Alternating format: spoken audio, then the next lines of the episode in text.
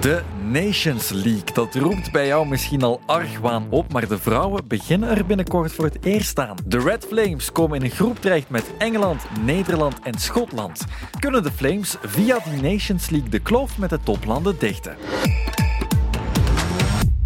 Uh, hallo, welkom opnieuw bij Sportza Daily. Komende vrijdag is het zover, dan spelen de Red Flames hun eerste Nations League-wedstrijd tegen Nederland. Dat Nederland dat de Flames in juli nog een 5-0 aansmeerde. Ja, ik denk dat we vandaag gevoeld hebben dat uh, ja, de Nederland toch een, een, klasse hoger is dan ons. Maar het is net door vaker goede tegenstanders tegen te komen dat je als land beter wordt.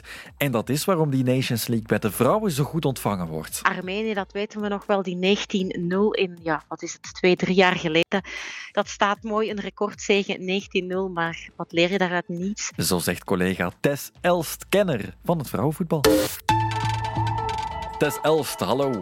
Dag Jonathan. Vrijdag is het zover, dan beginnen de Red Flames aan de eerste editie van de Nations League mhm. bij de vrouwen. De mannen zijn die al helemaal beu. Kijken de vrouwen er wel nog naar uit? Uh, ja, dat denk ik wel. De insteek is hetzelfde qua opzet, maar voor de vrouwen zij zien dat toch als een stap vooruit in die Nations League. Terwijl bij de mannen ja, is die kalender al heel beladen. Dus ja, zij zien er inderdaad vanaf. Maar de vrouwen ontvangen dat, denk ik, toch met open armen. We hebben dat bondscoach Yves Serneels ook nog horen zeggen hè, op uh, de persvoorstelling vorige week. Dat hij het ja, echt een stap vooruit vindt voor het uh, globale vrouwenvoetbal. Ja, een stap vooruit voor het vrouwenvoetbal. Meer georganiseerde topwedstrijden. En niet zoals bij de mannen bovenop een al heel zwaar schema. Of dat is toch de Belgische blik. En ze komen natuurlijk wel uit in een groep des doods. Inderdaad, ja, ze zitten in de A-divisie, wat natuurlijk eh, heel mooi is. Dat is op basis van de UEFA-ranking van de landen. Maar inderdaad, ja, de groep des doods, uh, dat is altijd een mooi woord, maar in deze is het misschien toch wel echt waar. Want ja, met Engeland Europees kampioen, Nederland toch ook wel een heel groot land in het vrouwenvoetbal. En dan Schotland staat ietsje onder België in die ranking, maar ja, dat scheelt echt niet veel. Dus dat is dan misschien de match waar de Flames vooral uh, voor moeten gaan om die zeker te winnen. Al willen ze ook wel tegen die andere landen een resultaat halen, is uh, de boodschap. Dat moet altijd de ambitie zijn. Maar goed, de Flames spelen niet langer tegen veel zwakkere ploegen. Maar de kloof met Engeland en Nederland bestaat zeker wel. Dat niveau is zeker niet gelijk. En dat begint natuurlijk allemaal bij het niveau van de eigen competitie. De Engelse competitie is bijvoorbeeld volledig professioneel. De Belgische is dat lang niet. Ja, de Belgische competitie is een niet-professionele competitie, hoewel ze vanaf dit jaar onder de Pro League valt. Dus dat is toch eh, het professioneel voetbal in België, maar daar zit het vrouwenvoetbal nog lang niet. Uh, je hebt licentievoorwaarden ook in het vrouwenvoetbal.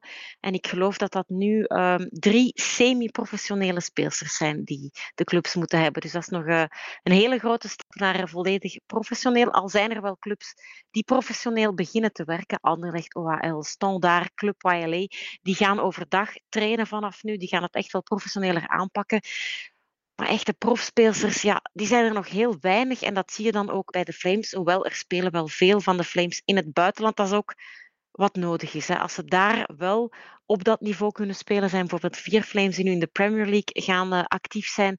Ja, dat moet die ploeg dan vooruitstuwen. Want in de Belgische competitie, ja, daar stagneert het toch een beetje. Ja, dan moeten ze naar de topcompetities. Er zijn dus wel wat profploegen bij ons, maar dat zijn er maar een paar.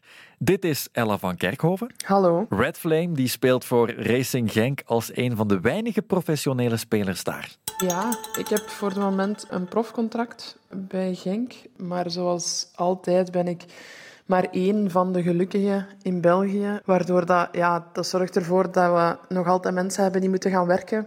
Um, wij trainen s'avonds. Wij zijn een van de enige ploegen die nog s'avonds trainen. Waardoor dat we ja, enkele spelers hebben aangetrokken die door de dag nog werken. Maar voor mij is dat inderdaad niet echt, uh, niet echt handig. Ik zou ook veel liever door de dag trainen.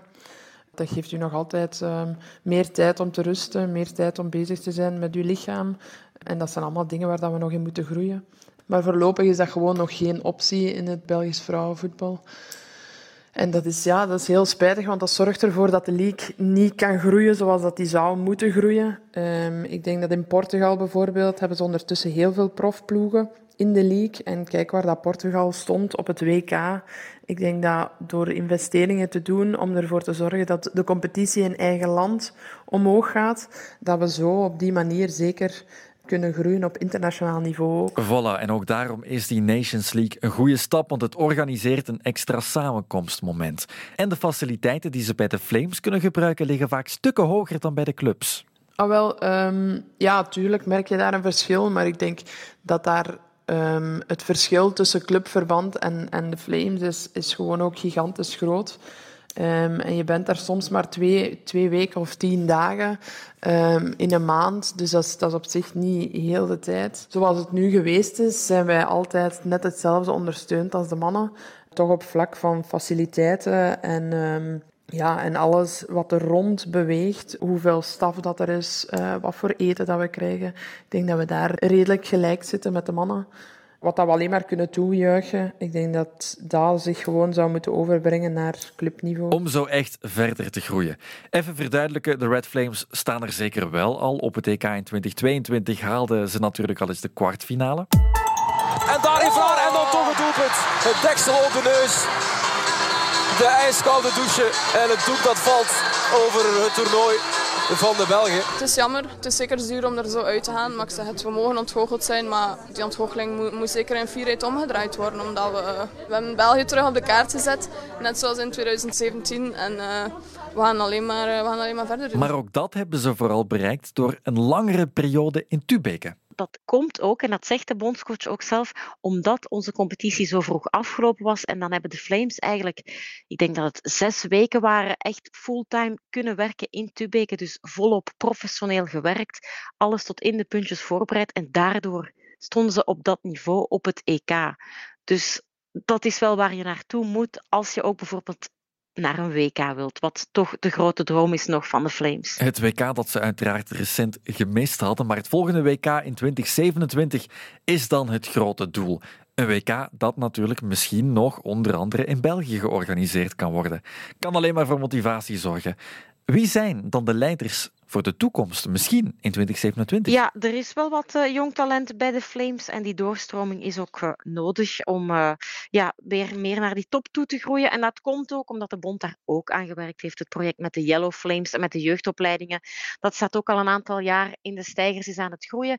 Jong talent dat al wat bekender is, bijvoorbeeld Amber een speelster die toch in de Premier League nu ook gaat acteren voor toen ook al.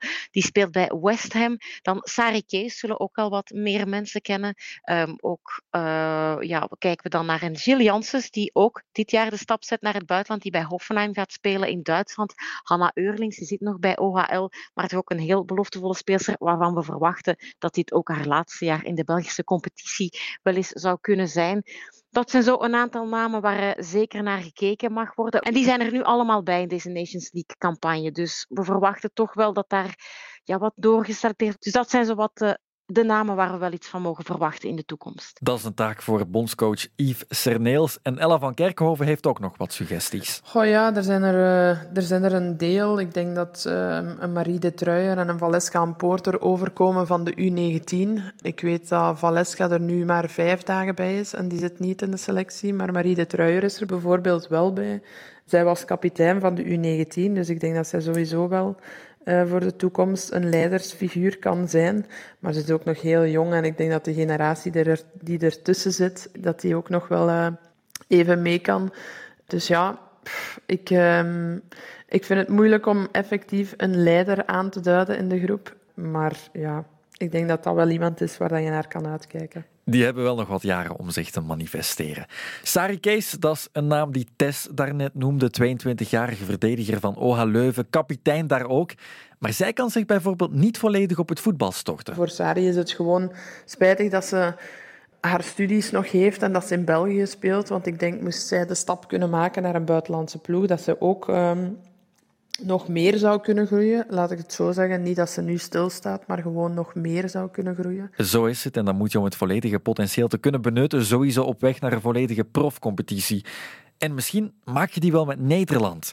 Bondscoach Yves Serneels opperde in het nieuwsblad voor een nieuwe Beneliga, zoals die er al was in het vrouwenvoetbal tussen 2012 en 2015.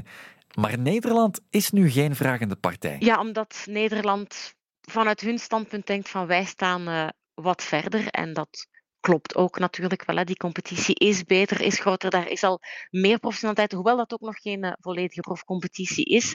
Uh, maar inderdaad, hè, dat in die periode, in die drie jaar dat die Beneliga er was, zette het vrouwenvoetbal in ons land ook wel grote stappen. Maar het is een top stopgezet omdat wij nog niet genoeg clubs hadden die op dat professionelere niveau mee konden. Ik denk dat dat nu anders zou zijn als je nu een Benelux zou maken. En zoals Yves Reneels zei, zei ja, ga dan naar vijf clubs uit België en wat meer clubs uit Nederland. En dat kan ook wel, want je hebt in België wel vijf clubs die wel professioneel werken of professioneler werken. Die zouden mee kunnen op dat niveau. En ik denk dat je dan inderdaad ook in Nederland en in België het niveau echt wel kan opkrikken. Want nu, de Super League, we zetten stappen, maar het gaat allemaal gezapig. En als je zo een nieuwe schokbeweging zou krijgen van een benenleak, ja, dat zou wel, uh, wel kunnen helpen. De schokbeweging die misschien nodig is. En ook Ella van Kerkhoven zou er uiteraard graag in willen spelen. Ik zou, ik zou het zeker en vast geen erg vinden en ik zou er graag in spelen in de Benelux. En het zou een mogelijkheid zijn om ons wat aan Nederland op te trekken. Want met een voorbeeldland zo dichtbij moet je er ook van willen leren. En moet je ook streven om even goed te willen worden. Is dat realistisch op korte tot middellange termijn? Uh, ik denk het wel. Ik denk dat het realistisch is. Uh, ja, ik denk dat, dat, we gewoon een beetje moeten zien... Uh, hoe dat ze het gaan aanpakken. Ik denk even afwachten naar vrijdag, naar de wedstrijd. En, en vooral gewoon naar, naar, dit, uh, naar deze interlandbreak. Um, maar ja, ik denk dat we um, ze tijd moeten gunnen. Um, maar ik denk dat er nog een heel deel veranderingen moeten komen voordat we er effectief kunnen geraken. Uh, en dat maakt vrouwenvoetbal voor de moment zit het in de lift. Maar ik denk dat iedereen moet mee willen um, om het daar te houden. En uh, als we dat kunnen doen, dan zie ik het wel goed komen. Iedereen moet mee en dat begint opnieuw bij de competitie voor Tess. Er is een veel bredere basis. Daar werken ze ook aan, aan meer meisjes aan het voetballen krijgen. Maar om die dan allemaal te laten doorstromen, denk ik ja, dat we toch altijd bij die competitie komen, bij onze eerste klasse in België, dat die omhoog moet, dat daar professioneel gewerkt moet worden, dat we eerst moeten denken aan een professionele competitie, een Beneliga dan eventueel. Want anders vrees ik dat we ja, een beetje gaan blijven ter plaatse trappelen en dat dit ons niveau is en dat die kloof tussen de echte top in Europa en België dat dat moeilijk te overbruggen wordt. En dat is exact wat we willen vermijden. Als we de kloof willen dichten, moet het Belgische voetbal nog professioneler en zullen er in eerste instantie meer Flames naar de buitenlandse topcompetities moeten trekken om van het voetbal te kunnen leven en hun volledige potentieel te kunnen benutten. De werking van de nationale ploeg die staat wel al op punt en de Nations League in het vrouwenvoetbal is dan ook een goede zaak. Vrijdag starten de Red Flames die tegen Nederland. Dat was het. Tot morgen voor een nieuwe Sportsadelen.